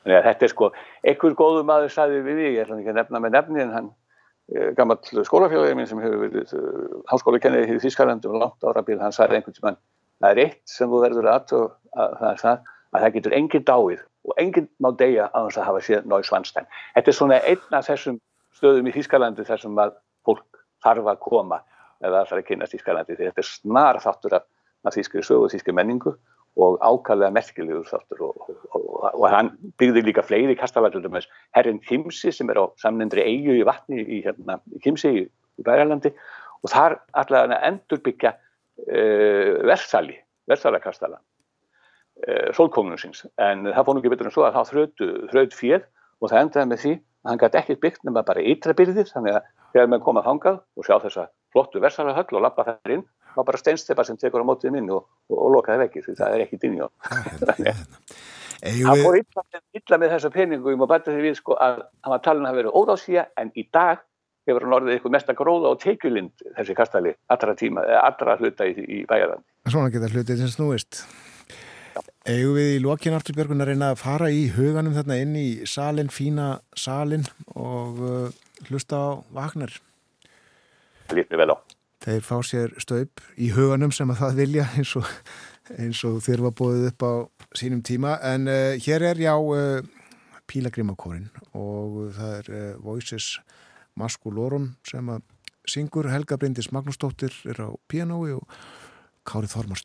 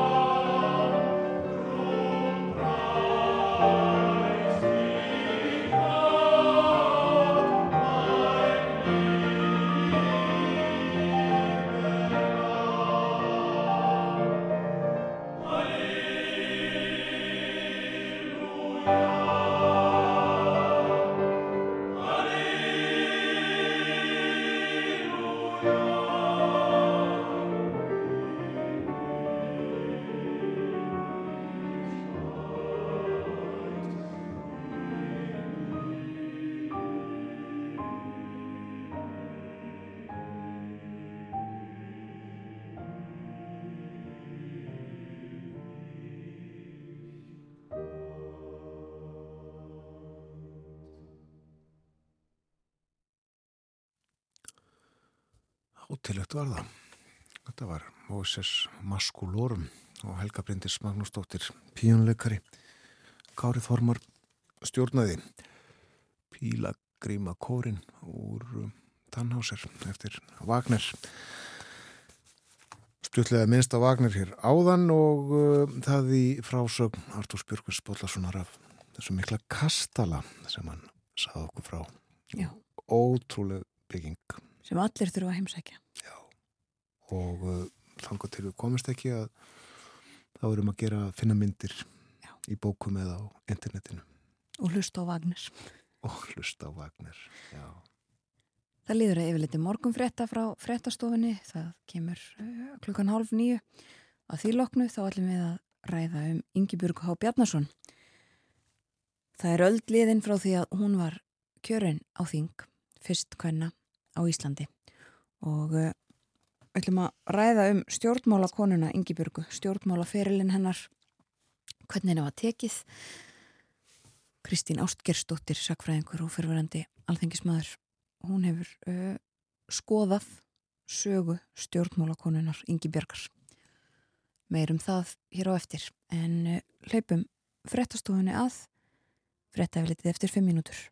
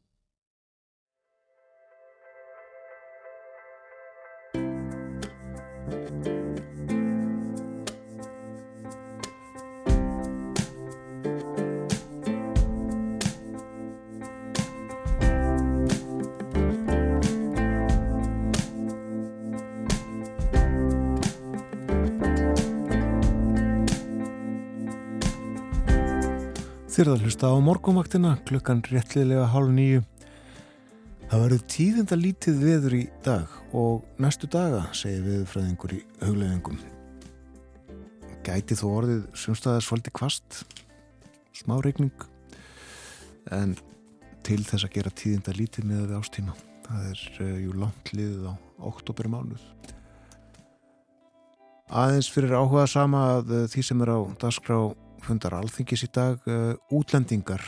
Lagafrumvarp dómsmálaráþra verður tekið til umræðu, fyrstu umræðu fyrsta mál á dagskrá. Að loknum dagsfráleginum störf þingsins. Þingfundur hefst klukkan hálf tvö. Og má búast við að umræður um uh, útlendingamál dómsmálaráþra hefist um eða upp úr tvö.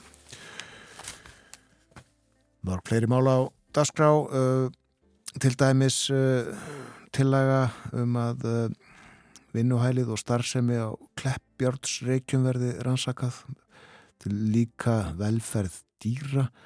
Og uh, þessi tillaga sem þetta við Skunlúkssonar á fleiri um uh, óréttmæti málsöðunar alþingis gegn ráþörum og afsökunarbeini vegna hennar landstómsmáli á sínum tíma.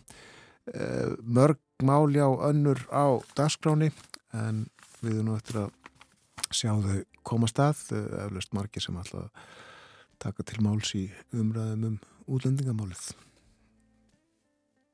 Fyrir á þessu ári voru 100 ár liðin frá því að Íslandingar kusu fyrstu konuna á alþingi. Það var Ingibjörg H. Bjarnason og hún tók sæti á þingi í februar ári síðar 1923. Þessara tímamóta var minnst í gerkvöldi á kvennafrítaginn á málþingi á vegum Sakfræðingafélags Íslands. Meðal þeirra sem þar fjöldluðu um Ingibjörgu var Kristín Ástgersdóttir, sakfræðingur og fyrirvarandi alþingismadur og hún er komin til okkar á morgunvaktina. Velkomin Kristín. Takk fyrir. Þú fjallaðir um og, og hefur kynntir sérstaklega stjórnmálakonuna Ingibjörgu og við ætlum að tala um uh, stjórnmálaferil hennar og ímislegt fleira svo sem næstu mínúturnar. Byrjum á því að bregðu upp mynd af samfélaginu hér árið 1922. Konur höfðu fengið kostningarétt nokkrum árum fyrr en uh, svona meira kannski um stöðu þeirra í samfélaginu almennt. Já, það var ímislegt að gerast á, á þessum tíma, bæði, já, aðalega reyndar. Konur er, er svona, fleiri og fleiri konur að, að, að menta sig og við verðum reyndar langt á eftir í þeim uh, málum.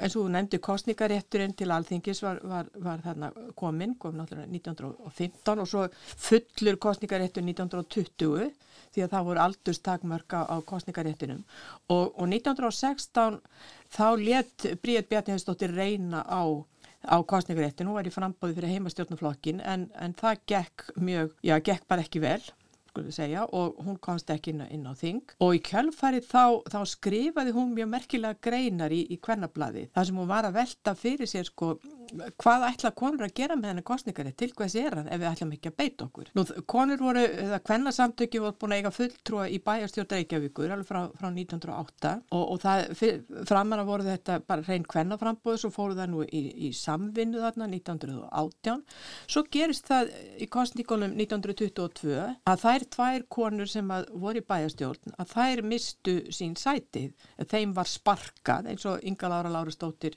orðaða sem að var þarna annar var fulltrúin, hinn var, var verkefliðsleitóin Jónína Jónatansdóttir.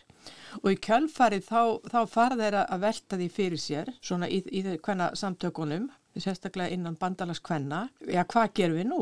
Ætlum við að setja okkur við það að eiga enga fulltrúa, konur hafi enga rötti í stjórnmálum landsins? Og þá stendur fyrir dyrum landskjör til alþingis Það var þannig að, að fyrir 1915 þá voru sex konungskjörnir þingmenn, það breytist þannig að, að og í staði var tekið upp landskjör. Það voru sex, sex sæti og, það, og voru, þetta var svolítið flóki kerfið, þeir voru dregnir út að vera kjósa aftur og aftur. Þannig að 1922 þá, þá er, er kosið um þrjú sæti. Og þá ákveða samtökin að, að, og það er mynduð sérstakka kostninga nefnd, það er ákveðið að bjóða fram kvennalista. Og uh, það ægslast þannig að Ingi Björg H. Bjarnason, skólastýra kvennaskólans í, í Reykjavík, hún var búin að vera þáttakandi í, í kvennarhefingunni bara frá því hún kom heim úr, úr námi, hún var í mörgum félögum, hún var í íslenska kvennfélagi, hún var í hringnum, hún var í lestrafélagi kvenna. Og svona sérstaklega nokkuð nokku virk, bara mjög, já, mjög virk. Og,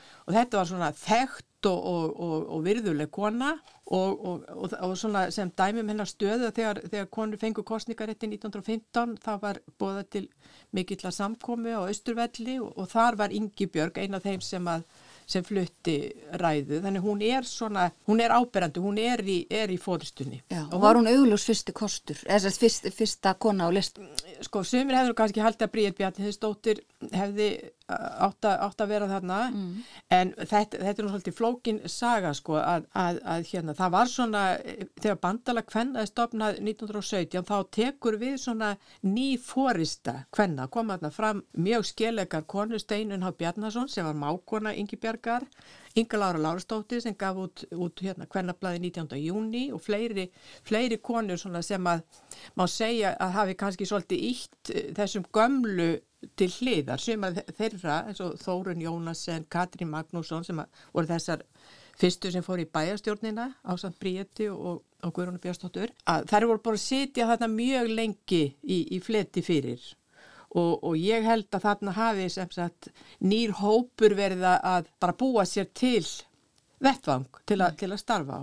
Og það eru þessar konur sem eiga, eiga frumkvæðið að, að, að, að hvenna frambóðinu og og eru þarna í kostningalemdina ásamt, ásamt fleirum, Guðrún Pétustóttur til dæmis var eina af þeim. Og, og, og síðan er, er bara farið út í, í kostningabaratuna og, og það er svona, sko, málflutningur Yngibjargar var nú ekkert, ekkert mjög skýr svona til dæmis af, af þeim ræðum sem til er, það er gátt blöð mm -hmm. og það er náttúrulega augljóst að tilgangurinn er náttúrulega þessi konur eignist rött í stjórnmálanum það á að berjast fyrir uh, því mikla baratumáli nýjurlandsbítala það á að, að beita sér fyrir bættum kjörum uh, fátakra maðra og fátakra barna og, og, og, og fleira, fleira slíku mm. fleira, fleira slíkum málum. Þannig að, að Og þegar, þegar Ingi Björg eh, kemur inn á þing, það er svo þú nefndir, þá, þá líður næstu þarna, líða margi, margi mánuði, sko, þingar kalla saman Já.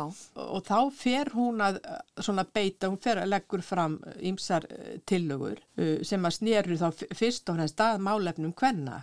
Já. En jáfnframt, sko, þá koma þarna strax upp mál sem að ollu henni tölvöld miklum erfileik og það var nú, það voru hinn frægur spánarvín.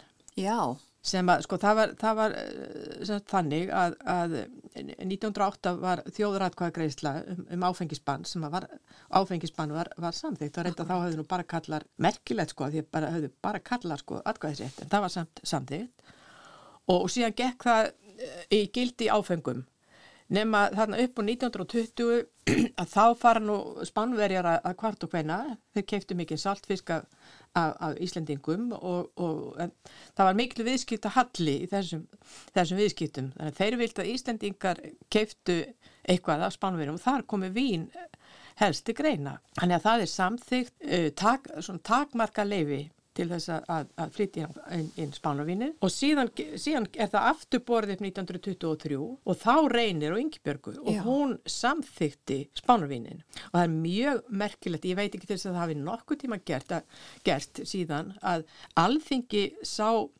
sá sérstakka ástæðu til að árétta álíktun, árétta það hvers vegna þetta hefði verið samþykt, þetta hefði bara verið sko þjóðar hagsmunir það var svo rosaleg reyði út af þessu, þetta var mikið hittamál áfengis, áfengisbannið. Og það urðu margar konur mjög svektar út í Yngibjörgu fyrir að hafa stutt áfengismálin. Já, því að konur höfðu mikið til verið í bindindi hreyfingunni. Já, Já, þannig að það reyndi strax á hana og, Já, og það það, reyndi, að hún já. væri fulltrúi já, kvenna á þingi. já, hvers, já. Nú síðan, síðan gerist það sem að líka allir nú svona miklum titringi að hún ákveður að ganga í íhalsflokkin 1924 þegar hann er stopnaður og það var, var þannig að, að eh, til þess að íhalsflokkurinn næði meiri hluta þá munaði um hvert einasta atkvæði og ég er, hef þá kenningu að, að Ingibjörg hún hafi sami við þá um að hún gengi í íhalsflokkin gegn því annars vegar að þeir settu kraft í landsbítalamálið og í öðrulega kvennaskólinn er þið gerður að ríkiskóla. Hún hefði þetta verið skólastýra þar. Já, skólastíða, þar og skól, skólinn alltaf eh, sko mjög tæpur fjárhagslega. Þetta var náttúrulega bara engaskóli og með rekin með skólagjöldum og einhverjum, einhverjum, einhverjum styrkjum og þannig hún vildi tryggja framtíð, framtíð skólans. Það náði ekki fram að ganga en mjög fljótlega var gerður samningur um byggingu landsbítalans og þá lagði landsbítala sjóðurinn sem var konurstofnu 1915 lagði fram hvorki meira en í minn en helming af áætluðum byggingakostnaði. Já. Þetta er svo ótrúlegt, er að- þannig að miklu læri kostnaður þá en samt þetta er alveg ótrúlegt og sama tíma var, var ringurinn að, að byggja berglahæli í Kópavogi og, og, og, og þarna voru bara, sko, þetta er svo mikið frumkvæði, þessar konur tóku svo mikið frumkvæði í heilbriðismálum. Enda var þetta algjörlega óþólandi ástand, gjörsamlega hræðilegt. Berglarnir þarna í mikilli útbreyslu. Og Ingibjörg var í þessari nefnd í kringum landsbyttalan og formaður beitti sér alla tíð í... Já, formaður stjórnar, já, já, og fylgdi þessu eftir inn á þingi hvernig, hvernig gengi. Já. Þann, þannig hún er komin þarna í, í íhalsflokkin og hún heldur samt áfram að náttúrulega með, þetta har náttúrulega verið allt öðruvísi sko heldur en núna, svona ekki, ekki þessi flokks ægi, því hún til dæmis eh, segir frá því í ræðu að hún hefði nú kosið kvennalistan 1926. Já, Þrátt fyrir að já, vera þá orðin- Já, já, vera Já. þingmaður íhalsflokks þá kýrum kvennalistan, þannig að, flokks ægin var nú bara engin. En hún hefur þó gert það að því hún hefur viljað að reyna að fá aðra konu þing. Já, já, já, já, styðja, styðja hvernig baráttuna. Og, en, og á þessum, semst, á þessum ára þá er hún að flytja þarna ymsar tillögur um, um, um, um það að, konur eru skipaðar fulltrúar í öllum nefndum. Það má segja að þetta er svona kannski fyrstu hugmyndir um kvóta Já. og þetta var nú felt, felt, felt, felt, umræðulaust í í næri deilt uh, þingsins. Annar mál, merkilegt mál og, og, og þetta tengir svo mikið umræðinu sko á þessum tíma, það var, það var þannig að ef að íslenskar konur giftust útlendingi, þá mistu það ríkisborgararéttin. Og, og þetta gæt nú komið sér alveg svakalega illa ef að það er svo lentur í, í sko hjónaskilnaði eða, eða, eða vildu koma heim aftur sko, þá, þá voru þær bara búin að missa, missa ríkisborgararéttin. Já. Og þetta, hérna, hún var að beita sér uh, fyrir, fyrir þessu. Nú, hún, hún var að, hún hafði, já, hún var náttúrulega mikið áhuga eins og hvenna samtökin yfir höfuð á, á fátækt hvenna og fátækt sem var náttúrulega alveg gríðaleg og það var nú samþygt til að frá hennum úttekt á, á, íbúðum í Reykjavík, sérstaklega kjallara íbúðum og, og, og svona ris, ris íbúðum og það var gerð, það var semst gerð skýrsla, mjög merkileg skýrsla um ástandi hérna í, í Reykjavík sem var, var algjörlega hörmulegt. Að hennar frumkvæði, svo sagt. Já, það var að, að hennar frumkvæði. Sko það, einmitt, eins og þú segir, hún fóruð þetta í íhaldsflokkin og svo síðar sjálfstæðarsflokkin. Um, Já, já, 29. já, var hún þá, sko, starfað hún alla tíð sem fulltrúi kvenna, þrátt fyrir að hún hefði farið sagt, í þessa flokka og, og, og starfað síðan með köllunum. Já, ég, ég lít þannig á. Þetta eru þau mál sem hún er að beita sér fyrir. Hún var að beita sér líka fyrir styrkjum til kvenna. Meðal annars eh, fekk hún það samtikt að Bríð Bjarniðsdóttir fekk styrk til að fara á kvennaráðstefnu 1930 og hann var gert grína því hún verið að fara á Nornaþing. Já, Já, en, en, en síðan sko er, er að þó, nú er ég búin að rekja svona eh, hennar tilugur og, og það, var, það var ekki margt sem hún fekk samþygt en, en svona aðeins. En það var ekki gleyma því að hún var mjög óvelkomin í þingsali og, og það er svona framan af sko að þá er nú menn eitthvað að ræða við hann og, og stríð henni svona eitthvað og, og, en, en síðan sérstaklega eftir 1927 þegar stjórn Tryggvað Þóraldssonar er komið til valda með Jónas frá Hriblu í, í þarna, mentamálunum og fleiri, fleiri málum, dómsmálum og að, að þá fer umræðan mjög harnandi og, og þá verður hún fyrir, að, það er annars vegar sko þá er hún bara ignoreruð. Það er, það, menn taka ekki þátt, menn er ekki að svarinni, menn taka ekki þátt í, í umræðum um hennar mál og, og hins vegar er, er svona ráð, já, bara ráðist á hana með sko mjög miklum dólaskap. hvernig þá? Já, bara, hún sé bara gömul og, og ljót og, og leiðileg og, og, og, og hérna sem stafa því að hún eigi ekki börn eins og almeinlega konur. Já, og menn höfðu þessi orð uppi um Já, hana í þingsalnum. Já, Já. það var nú Jónas frá Hriblu sem, að, sem, að, sem talaði svona um hana. Þannig að annars vegar var bara, já, talað svona um hana og hins vegar bara látið eins og hún væri ekki á staðinu. Já, hún var, hún var bara, já, já, hún var bara ignoreruð. Og það, hún skrifaði, eftir hún var hætt, þá skrifaði hún grein í lögréttu, það sem hún segir sko að, að, að, að fyrstu konurnar, þær verði fyrir, óhjákvæmlega fyrir njaski, en það muni lagast sko þegar þeim fjölgar. Og þarna bara talar hún af, af, af bituri, bituri reynslu. Já, En mikið vildi ég óska þess að hún hefði tjáð sig meira sko, um, um þessa reynslu. Hún gerði það nú ekki því miður. Nei, Ekki svo það. vita, svo vita sé. Sko. nei, ekki svona í ofinbörum nei, heimildum. nei, því miður. En já, þá kannski setur það, þetta sem hún sagði ráðan með að hún hefði viðkjönd, hún hefði kosið kvennalistan í annað samengi, að það kannski, hún fann þá fyrir því að hún hefði þurft á stuðningi annar konu Já, að halda. ég- það held ég. Já. Þetta, að hún hefði tekið því þakksamlega. Já, og sko þegar að Ingi Björg uh, fer af þingi 1930, þá kemur önnur kona inn, Já, Guðrún Lárusdóttir. Já, það kemur Guðrún, svo merka kona Guðrún, Guðrún Lárusdóttir. Ákálega sérstök konum Guðrún. Og það er, það, það er gaman að bera þess saman, sko, til þess að Ingi Björg, hún var alltaf í, bara svona í kjólum, bara klætt svona á nútíma vísu. Guðrún Lárusdóttir var alltaf, sko, í íslenskum búningi.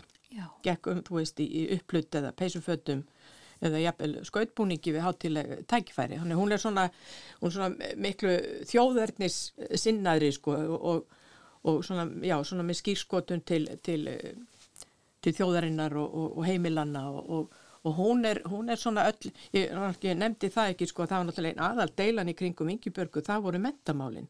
Hvort að konur ætti að menta sig og eiga möguleika í samfélaginu eða hvort þeirra hlutur væri fyrst og næst að vera mæður og húsmæður.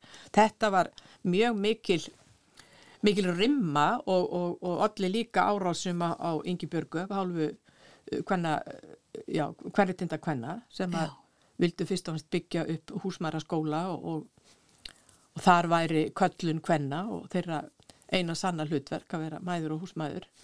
Þetta voru miklar þetta voru mikla deilur um, um, um þessi mál.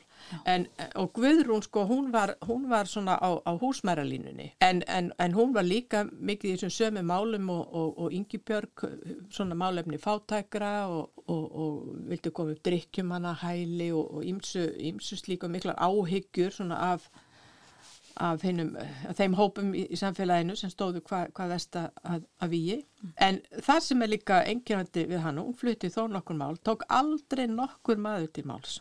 Hennar, til, hún, hún bara talaði út í tómið og algjörlega. Já, þessi virðulega tíu barna móðir, já. Og það sama gildi líka um Katrínu Tólatsen, lækni sem að kemur þarna eftir sko, síðara heimstjöldina. Hún var með svona svipað til og mjög mikið, uh, hvað var það í börn og, og barna, byggju barnaheimili og miklu áhyggjur á, gödubörnunum hérna í Reykjavík og ímislegt fleira. Og hvenar Ignorera. fór þetta að breytast að karlar fóru að taka til máls þegar konur voru að flytja sín mál á þingi? Það, sko, þe- þegar það er þarna í kostningunum 46, þá verða þær, nei, kostningunum 40, kostningunum 49, þá verða þær tvær og það hefur nú, það- Rannvið Þorsteinsdóttir og Kristín. Sigurðardóttir, sko, svo kemur tímabil það sem eru engar konur aftur. Já.